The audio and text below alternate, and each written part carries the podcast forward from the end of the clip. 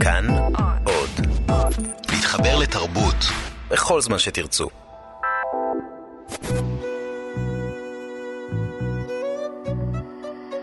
ליסה פרץ משוחחת.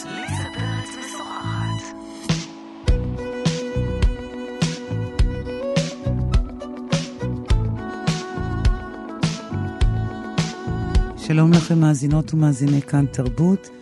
באולפן ליסה פרץ, ואני משוחחת עם אנשי ונשות תרבות. עורכת התוכנית ענת שרון בלייס, והיום האורח שלי הוא הצייר והסופר, המחנך, יאיר גרבוז. שלום. שלום, שלום. אתה מציג בימים אלה תערוכה חדשה בגלריה גורדון בשם ציורים בשם אומרם, ואני ביקרתי בתערוכה הזאת ביום שבת, ואני הבחנתי אה, במשהו שממש באמת אה, קפץ לי לעין, שאין טקסטים בעבודות החדשות שלך כמעט. מה, זו החלטה מודעת? לא, זה כמעט נכון. זאת אומרת, קודם כל, גם כשאני לא כותב טקסט, אז זו עבודה שלי בלי טקסט. זאת אומרת, זה סוג של טקסט. האין טקסט זה טקסט כזה. שנית, אה, זה, זה קיים בעיקר ברישומים החדשים שלי, וזה תמיד היה on and off השימוש שלי בטקסט, אבל ברישומים זה פחות קיים. כי איכשהו הרישום הוא בעיניי הוא סוג של טקסט. זאת אומרת, הרישום נורא דום, קרוב לכתב. ולפעמים דווקא ברישומים אני מרגיש שזה פעמיים לכתוב.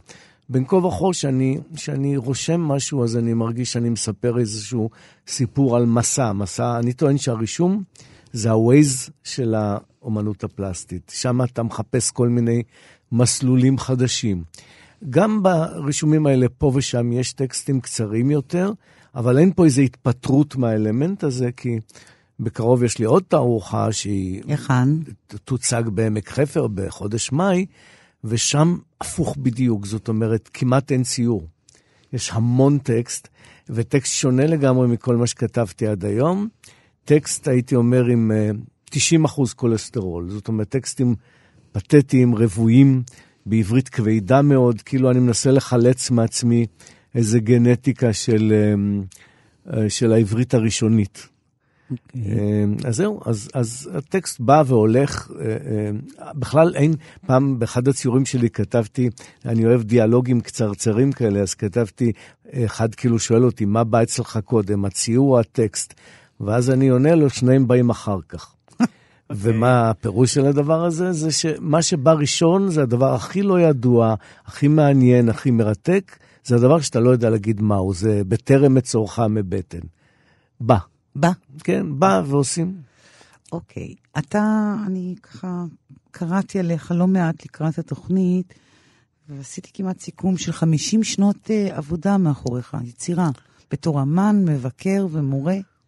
Uh, ואני הייתי רוצה לדעת, מה בדיוק השתנה בך או באומנות שאתה עושה במהלך החמישים שנים האלה?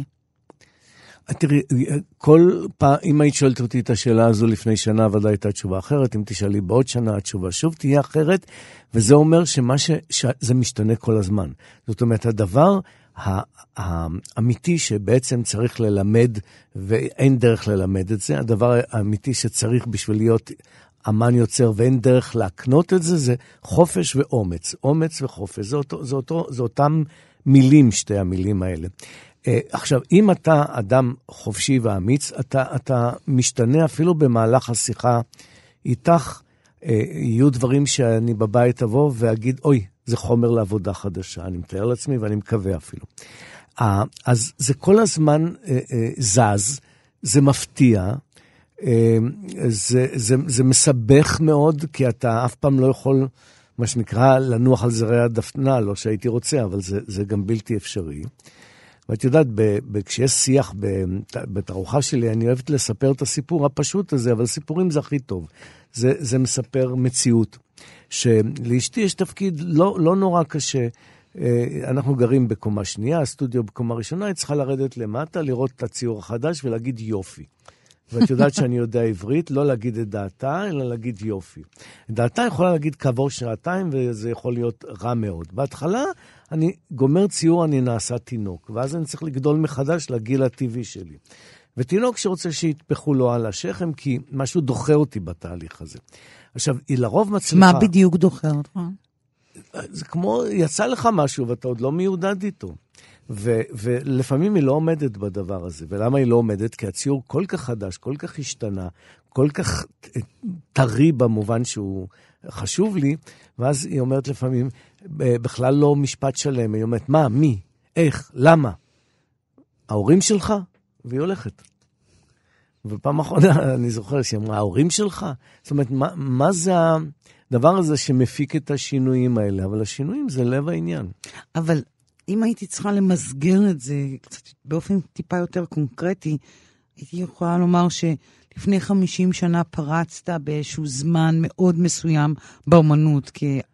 כאמן אוונגרד, עם השנים השתנית, חזרת לזה, אה, חלפת דרך הפוסט-מודרניזם, כלומר, חלפת כן. בכל מיני תחנות. זה נכון. והתחנות ו... האלה, אני מניחה שכן משנות אמן. ברור, אבל יש לי חבר טוב מאוד, אה, יעקב דורצ'ין, שהוא באמת חבר קרוב הפסל מאוד. הפסל יעקב כן, דורצ'ין. וכשהוא הסתכל לא מזמן על ציור שלי, הוא אמר משפט נורא נכון, למרות שקשה מאוד לצטט דבר שאחרים אומרים עליי, אבל הוא אמר, אתה יודע מה כל כך עצוב? אז אמרתי לו, מה? אז הוא אומר, מה שעצוב זה שאתה תמות צעיר. למה? תמות צעיר, הוא התכוון שאתה נסע לא יותר זקן בציור שלך, אלא יותר צעיר בציור שלך. באיזה אופן אתה מרגיש? עכשיו, בוא נניח שהוא צודק, אה, או, או אני מקווה שהוא צודק, אחרים הוא ודאי יחשבו אחרת. אבל במובן הזה שאתה, שאתה עושה ציור שלא מסתמך על הישגים קודמים, שלא, אמ, ש, שלא מתנוון, כמו שהרבה מאוד אנשים בתחום הזה מתנוונים. אה, אה, אני חושב שזה נובע מהעובדה שבגיל מאוד מאוד צעיר, קניתי לי את מה שאני לא יודע להקנות לאף אחד מתלמידיי שהיו, היום אני כבר לא מלמד הרבה מאוד זמן. וזה את ההרגשה שכישלון הוא דבר אינהרנטי ליצירה. רוב האנשים היום חושבים על הצלחה, ואני תמיד חושב על כישלון. כיוון שאני חושב על כישלון, אז אני נכשל הרבה פעמים, וחלק מהם זה הצלחות כפי הנראה. אוקיי, okay, אבל אני רוצה באמת, עוד פעם, אני מתעקשת איתך על ההגדרות האלה. כן. אה, השנים שאתה פרצת, אתה פרצת כאמן אוונגרד. אוונגרד. כן, נגיד אני פרצתי כאמן אה, שאופייני לשנות ה-60 בזמנו, זאת אומרת קולאז', ניגודים, חוצפה תל אביבית חילונית, אפילו דלות החומר, שזה לא, אה, אני לא, איך להגיד, הכי בולט שביניהם, או הכי מובהק שביניהם. אחר כך באו שנות ה-70, מה שנקרא, זאת אומרת האומנות המושגית, ואני הייתי בהחלט חלק בתערוכה הקנונית ביותר שמוכרת בציבור הרחב שלי, אם לא ענק אז לפחות בגנו. באמת היו צילומים ו- ודברים תלת-ממדיים וסביבה וסאונד.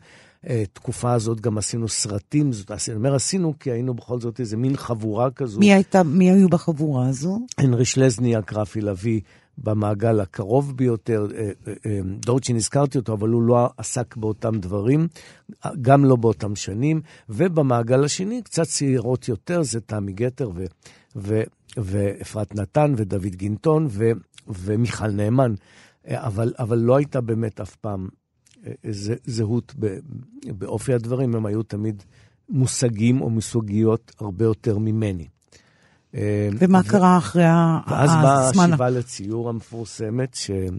שחזרתי מאיזה נסיעה בניו יורק עם איזה רצון לצייר מאוד חזק, אה, למרות שאני חושב שכל מה שעשיתי הוא סוג של ציור, הוא ציור באמצעות מצלמה וציור באמצעות מכחול וגם באמצעות מילים, והתחיל... אה, ממש ציורים שדורשים השקעה וזמן. ו- ו- ומהלך הרבה יותר ארוך ממה שהייתי רגיל אליו. הייתי אומר שאחר כך באה התחפושת, אני בדרך כלל נחשב לצייר המתחפש, לא רק אני, אבל גם אני, והתחפושת שהכי לא זיהו אותה, חשבו שזהו, שאני החלפתי את, את דרכי, זה כשהתחפשתי לצייר צרפתי. זאת אומרת, שציירתי את התקופה הפריזאית שלי, שאותי תמיד זה הצחיק, והיו שחשבו שזה מין סוג של חזרה בתשובה, או, או איזה אה, התמסדות כזאת. אה, אבל אני תמיד שם בעצם לגלגתי על חוסר יכולתנו כאן לצייר דבר שמבטא חיים נורמליים, כמו הציירים הצרפתיים. זאת אומרת, אתה לא יכול לצייר טבע דומם, כי טבע דומם זה סימן לחיים נעימים ומסודרים, אתה לא יכול לצייר שדה ונוף, כי כל רגע יכול, אתה הולך לשמוע מבזק חצי, מבזק רבע, חדשות ו, וכל מה שקורה, ו, וכמובן, אה, אתה לא מצייר את אשת האומן, אבל אני כן ציירתי בצחוק את אשת האמן, אה, זו שמתנדבת אה, לשבת כאילו לכבודי ושאני אצייר אותה, אבל תמיד אני... אני כל כך נזכר במורה הראשון שלי לציור, שבאמת היה נוסע לשבת בפריז. מי זה, מי זה המורה? אברהם נתון קראו לו. אברהם? הוא מאופקים חדשים. והיה בעיתון כתוב, הייתי ילד קטן, וזה הקסים אותי בצורה מדהימה. אה, הצייר אברהם נתון נסע כמו בכל שנה לפריז, בחופשה מבית הספר, לשבת בקפה סלקט. וזה נכנס לי לרשימות, לרשימת המטלות האינסופיות. מה צריך צייר לעשות, אז בין השאר הוא צריך לשבת לפחות... פעם אחת בסלקט. הייתה לי רשימה שאת רובה כמובן לא הצלחתי להגשים, כי זה הכל רשימה של קלישאות מטומטמות. ספר לי על הקלישאות אה, האלה. אה, לכתוב מכתבים לאחותי, כי המון פעמים שמעתי ברדיו על מוזיקאים ועל אמנים שכותבים לאחות שלהם. אין לי אחות. ואן גוך כתב לאח כן. שלו. אז אין לי אחות, ואח שלי היה קטן מדי מכדי שאני אכתוב לו, ולא היה מאיפה לכתוב לו. אה, אני תכננתי להיות עני, אז לא הייתי עשיר אף פעם, אבל לא הייתי מספיק עני בשביל לספר על זה. רציתי לגור בעליית גג קטנה ולקבל שחפת. השחפת כנראה כבר, כבר לא תקנן בי.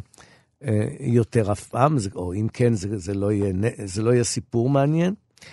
אה, אז, אז כל, כל הדבר הזה של, אה, אני, אני אומר וחוזר על זה בכל הזדמנות שאני מתראיין, תמיד אחרת, אני למדתי אומנות משמועות. בארץ הזאת אין דברים באמת שאתה יכול להחזיק אותם בידיים, שאתה יכול ללכת ולראות אומנות באופן מסודר. היום כבר כן, אבל כשאני גדלתי, הייתה שמועה כזאת שיש, שבעולם זה אומנות. בארץ זה זה רפרודוקציות. זה, זה, זה ספרים שבקושי, מה שאני ראיתי בצעירותי, עוד בשחור חשב, לבן. בדיוק. אני חשבתי שהחיים זה בצבע, ואומנות זה בשחור לבן. Uh, uh, הכל מטושטש, גם השחור לבן, אם תסתכלי על מה אנחנו ראינו בתור ילדים, קראו לזה יומני גבע, יומני, יומני קולנוע שהקרינו לפני סרטים. אם תסתכלי היום, את לא תביני מה, וגם אני לא, מה אנחנו רואים. וראינו אז משחקי כדורגל של נבחרת ישראל, היום אתה מסתכל, אתה אומר, איפה הכדור? איפה השוער? איפה המשחק? זאת אומרת, האופטיקה הייתה גם אה, ירודה מאוד. אבל ומזה... אמנים מקומיים ישראלים לא השפיעו עליך? לא הגעתי אליהם בתחילת הדרך. בתחילת הדרך ציירתי וידעתי שבאים אורחים, צריך להראות להם את זה. אני התחלתי מגיל אפס. מאיזה גיל?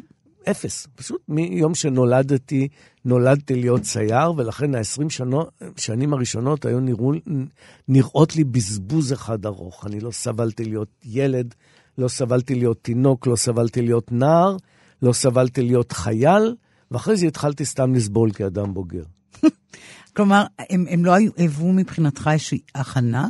הכנה כן, אבל לא, לא רציתי את ההכנה, רציתי את תוצאות ההכנה. אבל לא היית מוכן. נכון, אבל לא יכולתי לסבול, כי, כי, כי, כי לא עניין אותי, לא עניין אותי, אה, אה, אה, לא בית הספר, לא המורים שלי, מלבד כמובן המורים לתנ"ך, אה, דרך אגב, ו, ו, וספרות ו, ואומנות פלסטית. ו, וכן עניין אותי כל מורה שלי, שידעתי עליו מידע מעניין שהוא לא שייך להיותו מורה שלי. ואותם אהבתי, נגיד, אה, קצת יותר מאוחר בתיכון, אז מורה לספרות שלי, זה היה בשבילי חגיגה שלא תתואר. אה, אה, הציגו מחזה שלו בתיאטרון הבימה. איך קראו למורה הזה? קראו לו בנסיון תומר. כן. זה היה נפלא בעיניי, אמרתי, זה גאווה, לא שהמורה שלך בא ו...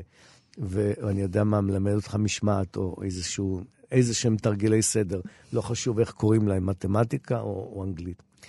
אה, אז, אז רוב השנים היו שנים נורא קשות, והיו הכנה להתחיל את הכישלונות האמיתיים, במרכאות ובלי במרכאות. אוקיי. Okay. אני רוצה לדבר איתך על האמרה הזו שהציור מת. מה אתה אומר כן, על זה? כן. יש אפשרות שבכלל איזשהו מדיום אומנותי ימות? לא. יש, יש אפשרות שזה עוזר למישהו להתחדש כשהוא אומר כל מיני דברים קיצוניים, ואני אומר את זה בלי זלזול. אנשים אומרים דברים, לדברים האלה אין שחר, אבל הפנאטיות היא טובה לאומנות. היא טובה. באיזה אומרת, אופן היא טובה? באופן ש, שאין עשייה אומנותית שהיא בלי אה, אה, מה שנקרא להתאבד על זה, כמו שהצעירים אומרים היום. שאתה, עכשיו, אם אתה אומר הציור מת, אז, אז נוצר חלל ענק, אז אתה צריך למלא אותו. את יודעת בכמה הלוויות של הציור אני כבר השתתפתי, את יודעת כמה פעמים, אה, אה, אה, יש לי, אני, אני, אני בזמנו, בין הקטעים שאני כתבתי, כתבתי צוואה, אבל לא צוואה אמיתית, אלא צוואה פואטית נקרא לזה.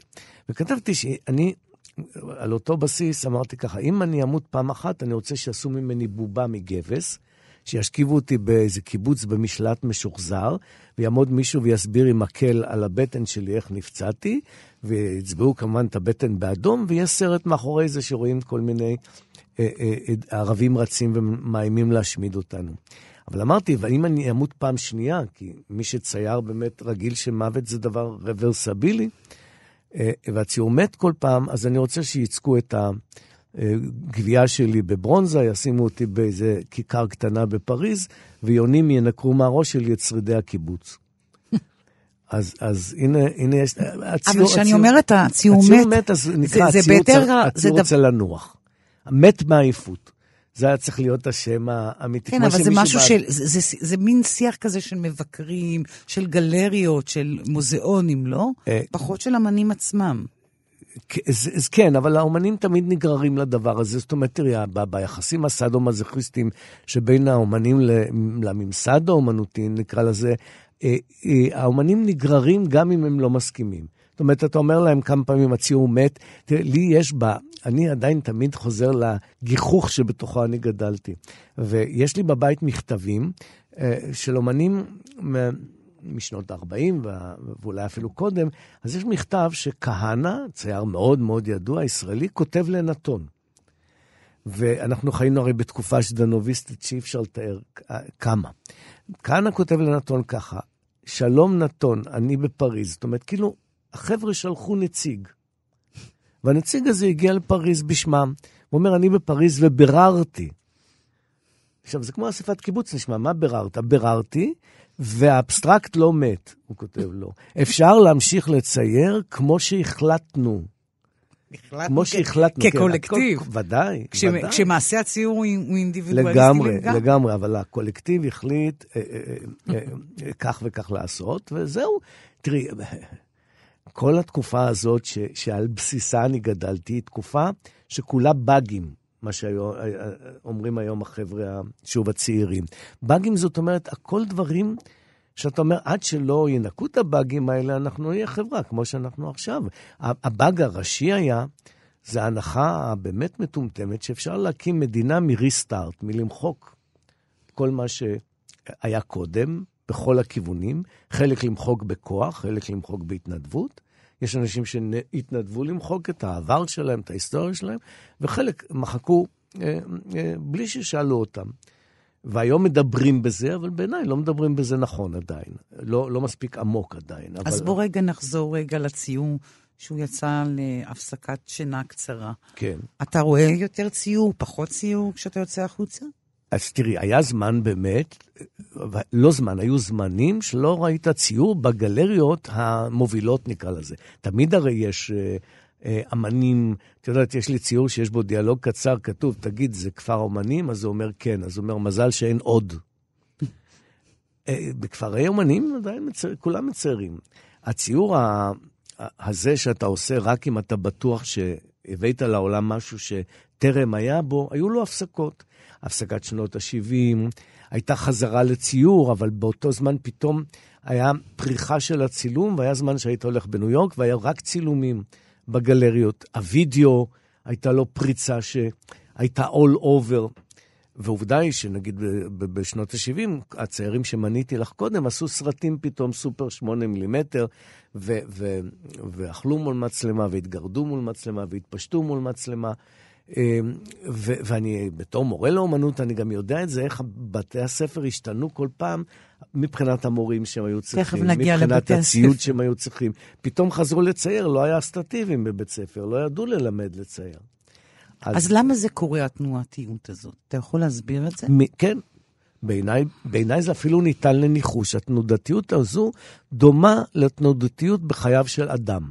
מה זה בחייו של אדם? נניח אם את אה, בתקופה מסוימת תהיי מאוד פעילה חברתית, פוליטית, אני לא יודע באיזשהו אופן, למה תתגעגעי באופן טבעי? לשבת בבית. אם תשבי הרבה זמן בבית, למה תתגעגעי? לצאת החוצה. אם בן אדם הוא אה, אה, אה, עושה אומנות אה, שמאמינה בציור, אז, אז לאט לאט מתעורר בו ספק לגבי המעשה הזה. זה נורא דומה להתנהגות של שאופיינית לנו בחיים, אה, שדבר מגיע למיצויו, אחרי זה הוא מגיע לניוונו, ואחרי זה הוא מוליד את היפוכו. והיפוכו זה לכאורה באמת היה קל לנחש מה יקרה בעוד עשר שנים באמנות. יש לנו איזה אנטי-מחיקון שלא מאפשר לנו, למזלנו. ומשאיר את זה בתור דבר מותח ומעניין. ואתה לא רואה, נאמר, את הקשר הכלכלי בין אמרה ש...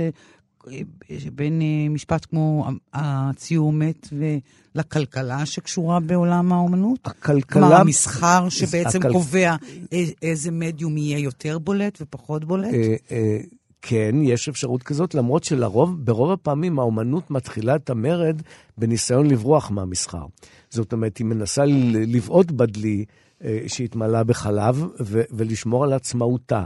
וכך נולדה האומנות הענייה, שה... הרפרנס שלה בישראל זה דלות החומר, זאת אומרת, שאמרה, אנחנו נעשה מוצרים שאי אפשר למכור אותם. אנחנו נעשה מוצרים שהם לא, הם משחקים את משחק הכלכלה, אבל הכלכלה חזקה יותר, ואם אתה עושה מוצר שאי אפשר למכור אותו, אז מזמינים אותך להרצאה בתשלום על המוצר שאי אפשר למכור אותו. או רוכשים את זה. או רוכשים את זה בסוף, או שמבקשים ממך ללמד על זה, או שאתה עושה סקיצות קטנות ומוכר אותן. סקיצות לרוב רטרואקטיביות, אחרי שכבר גמרת את העבודה עצמה. אז יש כמובן גם לפעמים איזשהו גיחוך בפעולה הזאת. היחסי אמן מוזיאון, היחסי אמן אה, אה, אספן, הם, הם, מדי פעם נפרדים ומדי פעם חוזרים. אה, אז לפעמים גם הכלכלה משפיעה על התפתחויות באמנות, לרוב זה הפוך. לרוב זה הפוך. Okay. אוקיי. הכלכלה, כשהיא מתחילה לשלוט, האומנים בורחים. אוקיי. Okay. אתה היית חבר, אה, קודם כל תלמיד וחבר קרוב מאוד של רפי לביא. נכון. אה, רפי לביא, האמן, העוצר, המחנך, אה, מבקר המוזיקה הקלאסית. אתה רואה איזשהו סיכוי לנוחות כזאת דומיננטית באומנות הישראלית, נאמר, בעתיד הקרוב, בהווה? לא, יש לזה הרבה מאוד סיבות, אבל הסיבה העיקרית היא, ואני לא יכול להגיד לך הרבה על, ה, על, על לאן הולכת התופעה הזו, היא שבפוסט-מודרניזם, ש, שפירק הרבה מאוד אה, אה, מושגים, גרם לנו למה שנקרא לקץ עידן האיזמים. זאת אומרת, אין, אין אפשרות להגדיר, אני די הרבה שנים, את כבר אמרת את זה, בתחום, וכל עשור יכולנו להגיד מה המאפיינים שלו. אם שני האמנים היו מדברים איתך, היו קצת מאפיינים אחרת. אבל שנות ה-60 יש להם אפיון, והאבסטרקט הלירי שלפני שנות ה-60 יש לו אפיון, ושנות ה-70 יש לו אפיון, ובתוך זה היו כל מיני וריאציות. בשנת 80 היה החזרה לציור, הבג painting, או, או הטרנס אוונגרד, היו לזה שמות רבים, ומשנות 2000 אין שום הגדרה למה קורה. לא שאין אומנות, אין הגדרה אה, של האומנות. איזמית כן, של האומנות. של האומנות. אוקיי. אני, אה, זה, לי זה מסובך, אני לא רגיל לזה. כי אתה אה, עצמך היית בכל איז... דיברנו על זה, כן. נכון, היית כמעט ברוב האיזמים של המאה ה-20. אבל קשה ללמד ככה, קשה לאפיין ככה, וה, והסיבה היא נורא פשוטה, זה הדמוקרטיזציה שמקורה בפוסט-מודרניזם. ומקורה בהיעדר אמונה באיזושהי קדמה. והמצחיק ביותר בכל התופעה הזאת, היא כבר לא בדיוק רק שייכת לאומנות, זה שהיעדר ההיררכיות של הפוסט-מודרניזם בעצם מחזיר את ההיררכיה הכי מעיקה והכי קשה, זה ההיררכיה של הדת. זאת אומרת, כיוון שאנשים לא יכולים לחיות בלי איזמים, אנחנו חיים בחברה שהדת בה מתחזקת.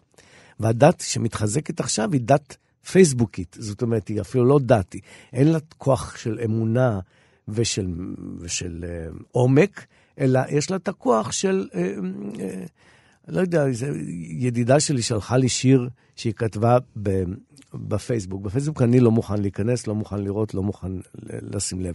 אז קראתי, והשיר מצא חן בעיניי לשמחתי, כי זה נורא מצער אם מישהו שאתה מכיר אה, שולח משהו לא, וזה קורה המון. קראתי את התגובות, זה היה נשמע כמו אתר פורנוגרפי. ריגשת אותי, חדרת אליי, כל, כל מיני דברים פרימיטיביים, ילדותיים. ואתה, ואתה אומר, לא יכול להיות שלא יהיה לזה השפעה בסופו של דבר לעובדה שכולם עורכים, כולם מבקרי אומנות, כולם משוררים. אה, מבחינה דמוקרטית בוודאי שזה מותר ואין שום הכרח להילחם בזה, אלא אתה מסתכל מהצד ואתה אומר, מדינה שלמה קיבלה טורט באצבעות, מקללת אה, בטוקבקים אינסופיים, והתוצאה היא שיש אומנות טובה, אבל אין... אין, אין... אה, היררכיה? אין היררכיה, אין, אין חברת אומנות, אין, אין דיאלוג מספיק. אבל אני רוצה להחזיר אותך לעניין של רפי, אה, רפי לביא, שהייתה לו השפעה כל כך דומיננטית בתוך השדה, מהצד הפדגוגי, מהצד הפרקטי כאמן, כן. מהצד של המבקר. אולי מה שבהקשר הדמוקרטי הזה שאתה דיברת עליו, אולי התאפשרה נוכחות של דמות כזאת דווקא מפני שהייתה איזושהי אה, תנאים לאיזו דיקטטורה אפילו. זה נכון, אבל עד, עד התיאור שמסרתי לך לגבי הפוסט-מודרניזם, הדיקטטורה הייתה חלק מהאומנות בארץ, בעולם, באמריקה, והד... בפריז. והדיקטטורה הזו, אתה חושב שהיא בריאה? תראי, אנחנו יודעים... אה, אה, להיות כן. גם מבקר, גם מורה, אה, גם... לא, לא, אם ניכנס לפרטים, ודאי נמצא פרטים שאני לא אסכים להם, ונמצא פרטים שאת לא תסכימי להם. אבל באופן כללי, הדיקטטורה, זאת שאלה נורא קשה. הדברים שאתה הכי מעריך כיצירות אומנות, נוצרו ברובם הגדול בתנאים שאתה לא מעריך. מה זאת אומרת? היצירות הגדולות במוזיקה נוצרו כיצירות דתיות, ואני אדם חילוני, ובכל זאת, כשאני שומע רקוויאם של מוצרט, אז הארכיטקטורות המשוכללות ביותר נוצרו ממש על חשבון חיי אדם, על ידי רודנים, אפילו לא במובן הפשוט של מישהו שאומר את דעתו ויש לו קול חזק, אז כולם נבהלים ממנו, אלא רודנים, זאת אומרת, גופות, גופות של אנשים קבורים בנוטרדם. עכשיו, האם אני אה, שמח מהדבר הזה או ממליץ עליו? לא, אבל מה שאנחנו קוראים תרבות, אה, ומה שאנחנו מעבירים אחד לשני, וזה לא משנה באיזה מדינה במקרה הזה, או באיזה תרבות במקרה הזה, הוא נוצר באמצעות שליטה, באמצעות מסורת שמישהו אה, כיוון אותה. מצד שני, צריך להגיד שיש את התופעה, הדבר היפה בכל הדבר הזה, או כמעט בעיניי הכי מסתורין, אני לא נוטה גדול למיסטיקות ומסתורין, אבל הדבר הכן יפה זה המושג שנקרא, ובלתי ניתן להגדיר אותו, רוח הזמן. רוח הזמן זה הדיקטט האמיתי של האומנות. אם אתה יודע, יש מין אנטנות כאלה לכל האנשים היוצרים, ובכלל לאנשים החושבים, שפתאום ציבור גדול מתעניין בתקופה מסוימת במשהו, ואז בדיעבד מסתבר שזה לא היה איזה דיק, מורה דיקטטור באיזה בויס בגרמניה או רפי לביא בישראל, אלא זה, זה, כמו, כך נוצר האימפרסיוניזם, וכך נוצר האקספרסיוניזם, וכך נוצר, ה, אני לא יודע, הקוביזם ועוד הרבה מאוד דברים אחרים. אז יש מצד אחד אה, אה, אה, פיקאסו, אה, אה, איך להגיד, כאדם שפרש הכי עמוק והכי יפה את רוח הזמן, ויש פיקאסו שהיה מלא בדיקטטים כלפי סביבתו. זה כמובן לא משמח. אני מתאר לעצמי שאם פיקאסו היה חי היום, אז היו, אה, מה שנקרא, אז... צולבים אותו. צולבים, מה זה צולבים? ליסה פרץ משוחחת. הייתי באולפן אה, האמן יאיר גרבוז. איך רפי לביא השפיע על חייך? על הקריירה שלך? תראי, הוא, הוא, הוא השפיע עליי בהמון המון המון המון מובנים ותחומים. אה, ו, ואני חושב שהרבה מאוד אנשים פספסו את רפי בגלל ש... אה, זה נשמע, זה נשמע בעייתי, אז אני אגיד את זה, ואחר כך אני אולי אצטרך קצת להסביר. בגלל שהם האמינו לו, לכל מילה. ורפי דיבר, מה שנקרא, מוזיקלית. אסור היה לשמוע את רפי ליטרלי, אה, אחד לאחד. הוא, הוא, הוא, הוא אמר, אני לא סובל את זה, זה לא אומר היה שבעוד שעה הוא לא יחשוב את ההפך. הוא היה נורא ספונטני, ב, ב, ב, ב, הוא, לא, הוא לא הרגיש את הדיקטט הזה, הוא לא רצה בו, הוא לא תכנן אותו.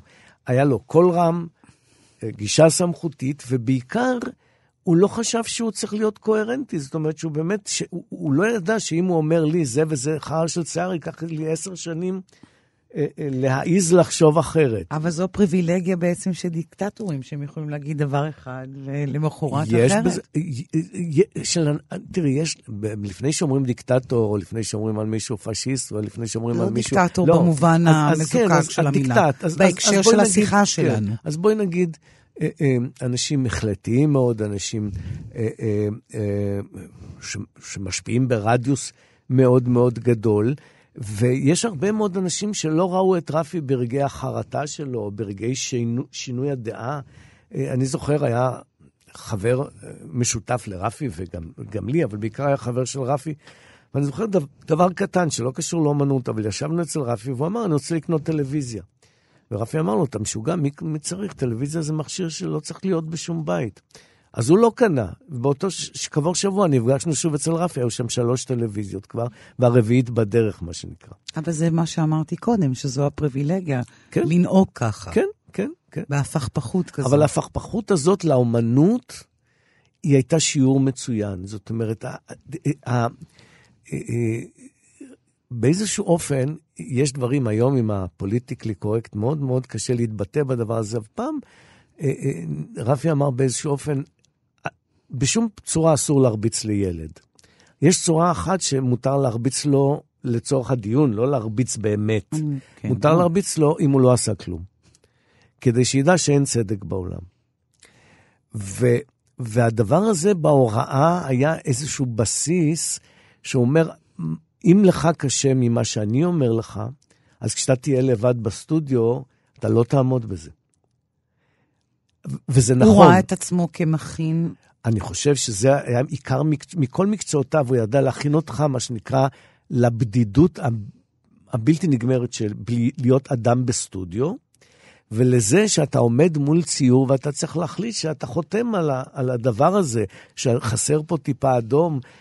כל, כל סוג, ת- תראי, אני פעם אמרתי לסטודנט שלי משפט, שאני חושב שאולי מלמד משהו ו- וקצת מוריד אשמה מחלק מהאנשים שנורא אוהבים לה- לה- להאשים אותם, גם אני לפעמים. אמרתי לו, תראה, ראיתי עבודות שלו וליבי נחמר, כי אמרתי לו, תראה, מה שחסר לך זה הדבר היחיד שאני לא מאחל לך. זה מה שקוראים הסריטה, או המניאקיות, או, ה- או, ה- או הנכונות לשלם כל כך הרבה בשביל לדעת שצריך עוד שכבה לצבע הזה. זה לא מקצוע כל כך, אה, את יודעת, לפעמים אמרתי, אני, אני לפעמים נעלב מעצמי שחוכמתי, במידה והיא ישנה, אני אומר חוכמתי המסוימת, אין פה מרואיין אחר כרגע, חוכמתי תלויה במקל עם שערות. כשאני מחזיק את המכחול הזה, שאני מעדיף לצורך הגיחוך לקרוא לו מקל עם שערות, אני יותר חכם מאשר כשאני מדבר איתך עכשיו. אה, זה, זה אפילו מעליב קצת אותי. אז, אז, אני, אז אני חושב שרפי ידע, ידע להגיד את זה. וזה השיעור שהוא לימד אותך? כן, כן. ואחר כך אני ידעתי ללמד את זה, הייתי אומר אולי בצורה טיפה מעודנת יותר. נג... תן לי איזה משהו קטן, כזה אנקדוטה שהוא דבר שקיבלתם ממנו שנוגע לציור, למשל. אה, תראי, קודם כל, ציור ממש. כן, כן. אה, זה העניין, קודם כל, לחוש את ה... זה דבר נורא חשוב, שאין דבר כזה, נגיד, קומפוזיציה, או מבנה הציור, אין דבר כזה מבנה טוב ומבנה רע. המבנה הוא פונקציה של מה שאתה מצייר בציור. זאת אומרת, החדר הזה שאנחנו יושבים בו, הוא ערוך נכון בתור אולפן, בתור חדר שינה, הוא ערוך לא נכון. הוא בנוי לא נכון. ברגע שאתה מבין שהקומפוזיציה זה לא שאלה של שיווי משקל, או מבנה, או מה, מה יש באמצע ומה יש בצד, אלא מה הם הדברים שפועלים בתוך הציור, וזה ממחיש לך את, את הציור כמו אדם שבא לחדר ריק ואומר, כאן אני רוצה, כאן יהיה הסלון של ביתי. איפה אני רוצה את הטלוויזיה, איפה אני רוצה את הכורסה. איפה אני רוצה לנוח, איפה אני רוצה לעבוד. אה, אם אני אשים את הכורסה איפה שאני עובד, אז העבודה שלי תהיה מורדמת על ידי הכורסה. זאת אומרת, באמת להרגיש את הדבר הזה שאתה, שאתה הולך לפינה אז אתה מרגיש שבפינה הזאת קורה משהו, כמו שכשכדור ביליארד מגיע לפינה, הוא יכול ליפול אל תוך החור שלה. ו- ו- ואני גם שכללתי את זה במשך הזמן. אה, אולי עוד דבר, תרגיל שאני חושב שאני המצאתי אותו, אבל לדעתי הוא נולד מהיכרותי את רפי. תרגיל, אם היה צריך לרשום על שמי תרגיל אחד בהוראת אומנות, הייתי אומר שהתרגיל הוא שאמרתי לסטודנטים, אתם מחר צריכים לעשות עבודה בבית, כשכאשר תגמרו אותה, תיפלט מפיכם צעקה, לא פחות. לא כאילו צעקה, לא דומה לצעקה, אלא צעקה אמיתית. זה לא יכול להיות שזה אני עשיתי. תחושה מוחלטת של מה שקוראים דה-פרסונליזציה. זה לא אני. ואני חושב שמרפי, ואחר כך בעזרת עצמי, למדתי שאתה זה מה שאתה היית, שמנית מזה הרבה מאוד, מה שאתה הווה, והכי מעניין זה מה שאתה עוד מסוגל להיות ולא היית. וזה הרצון באמת לא להגן על, על, על הישגים ועל רכוש ועל, ועל, ועל אהבות, אלא, אלא באמת לתת, לתת למחלה לעבוד, מה שנקרא. כן? Okay. אוקיי. אומנות זה קריירה או ייעוד?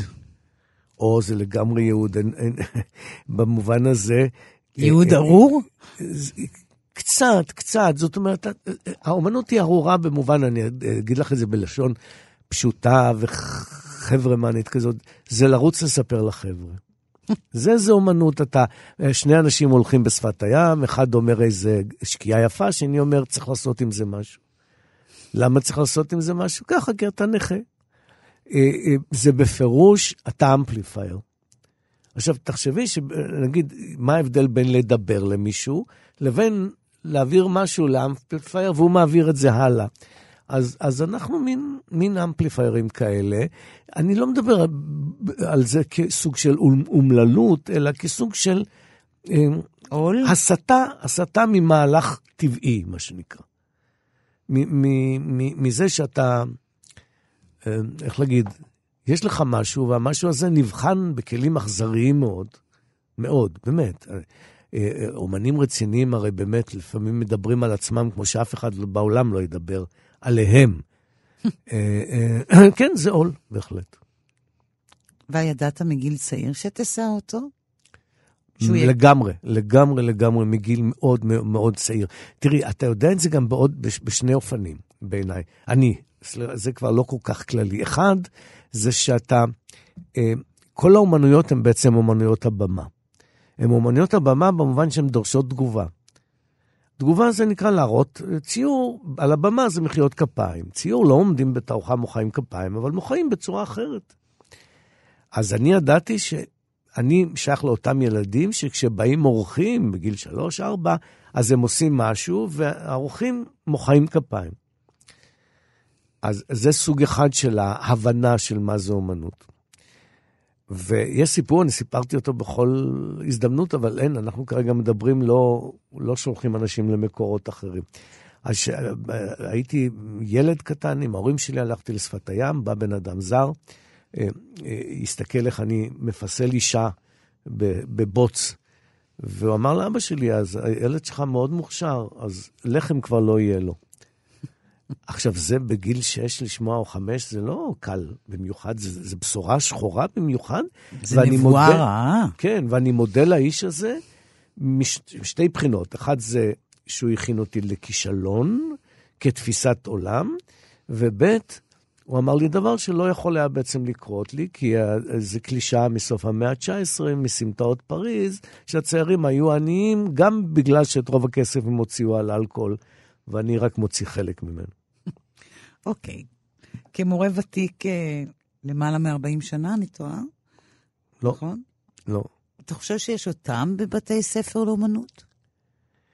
כן, אני, אני אגיד לך, יש טעם מהמון סיבות. אחת מהן, קודם כל זה בייביסיטר. בן אדם עדיין לא יכול ליצור, ואז מישהו שומר אתה עליו. אתה בעצם מנהלים שמרטפיות? כן, no זה doubt, שאתה, כן. זה מה שאתה כן, מנסה כן. להגיד לי? שמרטפיות לאנשים שטרם אה, רשאים לעשות, להיות לבד, מה שנקרא. שנית, אה, וזה דבר גדול, למרות שאני לא גדלתי ככה, אבל אני חושב שזה יתרון, אה, זה יוצר להם שכבת גיל. זאת אומרת, דווקא היתרון הוא כשהם גומרים את בית הספר, אז יש לך למי לקרוא בערב, להגיד, עשיתי ארבע עבודות חדשות, אני חייב שמישהו יראה כאילו את זה. כאילו דור, נוצר דור. נוצר דור. עכשיו, בעיניי זה קריטי לחלוטין. אני עד היום, אני זוכר, רפי, הזכרת אותו קודם, מורה שלי היה, אני הייתי, הרגשתי תמיד תלמיד שלו, היה מצלצל, אומר, בוא מהר, עשיתי שלושה ציורים, אתה מורה ותיק, אתה צועק על כולם, אתה דיקטטור, כמו שאמרת קודם, ואתה קורא לי עם, עם שלושה ציורים חדשים, ואתה נורא רוצה לדעת איזה משלושתם אני אוהב יותר, או אולי אני לא אוהב את שלושתם בכלל. אני אותו דבר. עכשיו, הצורה שבה חברים רואים עבוד, אומנות, היא צורה אה, אה, לא כמו בבית ספר. אני לא בא לקולגה ומנתח אותו, אני בא לקולנו, לקולגה ואני נהנה, ואני קם ומצביע עם היד, או פתאום יש איזו בדיחה מוצלחת ש... שמפיקה את מה שהוא עשה באמת בציור ברצינות גדולה מאוד. זה התבדחויות, זה, זה, זה, זה, זה דברים שמישהו אומר, אוי, אני רואה, אני רואה, אתה... אה, זה לפעמים דימוי שאומר, אוי, אתה רואה, אני רואה את הכתם הזה, כנראה כאן אתה רחצת את הרגליים שלך על הציור. זאת אומרת שהוא הבין את הפעולה שעשיתי. ומה עוד יתרונות בבתי הספר האלה? השכלה כללית, אפשרות... טכניקה? טכניקה, כן, אבל אני, איך להגיד, אני לא, טכניקה זה דבר חשוב, אני לא מכיר מישהו שנכשל בגלל טכניקה. זאת אומרת, הטיפשות מחלישה, מכשילה הרבה יותר פעמים, או, או, או, או, או חוסר, אה, מה שאנחנו קוראים, שאם אין לך מה להגיד, שום דבר לא יעזור. אם יש לך מה להגיד, אתה תמצא את הפתרונות. כשם שאנשים שנגיד לא כל כך יודעים לצייר, יצרו ציור שאנחנו קוראים לו נאיבי, ועדיין הוא ציור באיכות מאוד מאוד גבוהה, למרות שאין סגנון כזה נאיבי, זה אידיוטי לגמרי, זה כמו שמישהו יגיד, אני הולך בסגנון צליעה, או אני, אני יודע מה, מדבר בסגנון גמגום. אז אני לא אוהב את הביטוי ציור נאיבי כזרם, אבל רוסו היה צייר נורא נורא מעניין, למרות שהוא לא ידע לצייר באופן מסוים. אתה היית הופך להיות אה, אמן טוב אם לא היית לומד? אם? אם לא היית לומד. אני, אני, חוש, אני חושב שלא, ואני חושב שלא בגלל, לא שלמדתי איזה אמן להיות, אלא בגלל שזה מכין אותך לביקורתיות, זה מאמן אותך בביקורתיות. זה אומר לך, תתאכזר לעצמך, בהתחלה אני אתאכזר אליך עד שאתה תדע להתאכזר לעצמך. זה ההוראה בבסיסה. הוראת אומנות היא לא הוראה פיירית, היא לא הוראה מעודדת, כמו, כמו בבתי ספר, שאנחנו אומרים, כשאני שולח ילד לבית ספר, אני רוצה שהמורים יעודדו אותו, יתמכו בו. כשאני שולח מישהו לבית אה, אה, ספר לאומנות, אני רוצה שיבדקו טוב-טוב, ורק אם הוא חייב, פעם אבות ישורון אמר דבר מאוד יפה, הוא אמר, יש משוררים מן הברירה ומשוררים מן הגזרה. והחשוב הוא משורר מן הגזרה. מהברירה בסדר, תכתבו, אף אחד לא אומר לא, אבל... ובית ספר לאומנות יודע טוב לטפל באומנים מהגזרה, כיוון שרובם מן הברירה, בתי ספר לאומנות די, די מהר מגיעים למצבים מופרכים. ועדיין אתה חושב שבבתי הספר לאומנות הביקורת היא, היא ערך פדגוגי? כלומר, זה עדיין נשמר? בסופו של דבר, להתרגל לביקורתיות מחמירה זה בסדר. מי ששומע אחד לאחד את מה שאומרים שם, מפנים כל דבר, אז הוא מגיע לציות. ציות ואומנות בכלל לא הולך ביחד. זאת אומרת, זה, מאוד קשה למורה להגיד באופן סמכותי דבר קיצוני, חריף, ושאתה כתלמיד עדיין תשמור על העצמאות שלך, אבל זה מה שצריך היה לקרות באופן תיאורטי. ומי שקורא באמת את הברקוד של התאכזרות, הוא קורא אותו כ, כטובה גדולה שאתה עושה לאדם היוצר, כי כל מה שמחכה לו בעתיד הוא הרבה הרבה יותר קשה. הרבה יותר גרוע. הרבה יותר. והרוב סתם, סתם באמת מסכנים, סובלים. זה הרוב הגדול. כן, כן. אמ, איך נולד לך ציור? איך זה, איך זה קורה? ספר לי. אה, אתה הולך כל בוקר, אתה יורד למטה מהקומה השנייה לראשונה? כן, באופנים שונים. יש לי כבר שלושה סטודיואים היום, כן? אחד בגליל בביתי, ואחד בבית ספר בסיס שיש לי משרד ואני מצייר בו, ואחד ברמת גן, שזה הסטודיו הראשי שלי. לפעמים זה, מתעורר מהצורך בתשתית מסוימת. זאת אומרת, אני יודע שאני הולך לצייר גדול על הרוחב ועל עץ. ואתה, אז זה, זה, איך להגיד, זה כמו החלטה לשטוף רצפה, אתה מתיידד עם התשתית, אתה מתיידד עם, ה, עם, ה, עם הפרוצדורה שאתה הולך לעבוד איתה. אתה בכלל לא יודע מה אתה הולך לצייר, כמו שאתה יודע שאתה הולך להשתמש בהמון מים. או, או אתה הולך להתיז על הציור, או אתה הולך לה, להחתים אותו, אתה הולך לגרד אותו. זה, זה צרכים פיזיים, זה פעולות. זה פעולות שמלמדות אותך. עכשיו, אם יש לך רעיון, אתה לא צריך להתנגד לו, הוא יתקלקל לבד בציור. זה בסדר. זה קורה אומרת, מעצמו. כן, הרעיונות, זה, זה בסדר. אתה מתכוון למשהו, ואחרי שהציור גמור, אתה רואה למה באמת התכוונת. והציור שאין בו את הגילוי הזה, הוא באמת לא שווה כלום. אוקיי. Okay. Um, היית יכול להיות צייר במקום אחר? דקה לא. דקה לא. א', תראי, אני, אני צריך... יש לי כמה צרכים. נגיד היו מעבירים כן. אותך עכשיו, כמו שאתה, לבריסל. כמו שאני, אז כן, כי אני לא, כבר לא עכשיו. בגיל... אה, בגיל 20 לא, אני הייתי נופל. והייתי נופל, א', כי אה, אה, אה, העברית היא משוש חיי, בכוונה אני אגיד ככה ביטוי קצת יותר, זה, כי אני, אני, אני תלוי בעברית לגמרי. אני צייר, את יודעת מה הנוף שלי? נגיד צייר רגיל הולך, סזן צייר את ההר, ההוא צייר את, אה, סוטין צייר אה, את הילד, האופה הקטן. אני, הנוף שלי, כשאני צריך השראה, אני הולך לחנויות ספרים. זה הנוף שלי, אני קונה ספרים משומשים, חלקם אני מדביק על הציורים הרבה פעמים. אני, אני רואה פתאום כותרת של ספר, וזה הרעיון שלי. ו, ובמובן הזה, אני שייך לעם הספר, אבל לא מה שהיום קוראים עם הספר, שזה עם אחד וספר אחד, אלא, אלא עם הספרים, אני, אני רוצה להיות שייך אליו. ואני צריך את העברית, ואני צריך את המשפט הנפלא, שבעיניי הוא המשפט שמחזיק אותי במקום הזה, שאומרים, מה אתה עושה הערב? בא לך לקפוץ אליי? אי אפשר להגיד בהצפה, תגיד את זה באמריקה לאמריקאי, הוא יצלצל למשטרה, הוא אמר, היא צלצלה ושלהם, בא לך לקפוץ. כלומר, העברית גם כשפה, וגם, וגם כחברה, כחברה, כסוג של חברה. זאת אומרת, במובן מסוים, אתה יודע, הייתי בניו יורק, אמרתי, אם לוקחים עשרה אמריקאים מטומטמים, לא שאמריקאים מטומטמים, כי אנשים רק מחפשים מה לעוות. עשרה אמריקאים מטומטמים, הם מחברים אותם יחד, הם יוצרים ציבור די נאור, עד השנים האחרונות. אם לוקחים עשרה ישראלים נורא חכמים, הם יוצרים יחד ציבור מטומטם. למה זה? ככה, כי אנחנו לא רוצים להיות, אנחנו רוצים, אנחנו רוצים להיות משהו. ועדיין את החברה הזאת אתה צריך. ואני חייב, כן, אני חייב. כלומר, אני, אתה אני, צייר ישראלי. אני צייר ישראלי, אני מספר את סיפורה של הפריפריה, ואני חי במאסף אה, של האומנות ולא במרכז שלו, ואני, ואני מנסה ליצור אה, אנתרופולוגיה אמיתית שמצדיקה ציור כזה ולא חיקוי של... אה, אנתרופולוגיה ישראלית. כן, כן, נכון? כן, כן. דרך רק, הציור. באמת, כן, רק על עצמי. זה גזירה גם לכתוב בעברית. מי, מי יקרא את מה שאני כותב בציורים? איפה? יצטרכו לעמוד שני מתורגמנים, ואחד מהם יצטרך להיות עם חוש הומור כדי לתרגם את זה בכלל. אבל, אבל אחרת אני לא יודע. אני יודע כל הזמן לצעוק מה עשו לנו כאן. מה עשו לנו, כן? ו... בכל הזדמנות אני אומר, לא עשו לנו הרבה, רק שלושה דברים, ושלושה זה לא הרבה. לקחו לנו את העבר, את ההווה ואת העתיד. תודה רבה, יאיר. תודה לך. עד כאן שיחה עם יאיר גרבוז, כאן באולפן ליסה פרץ, עורכת את התוכנית ענת שרון בלייס. אתם מוזמנים להזין לנו ותוכניות נוספות באפליקציית כאן אודי. תודה לכם ולהתראות.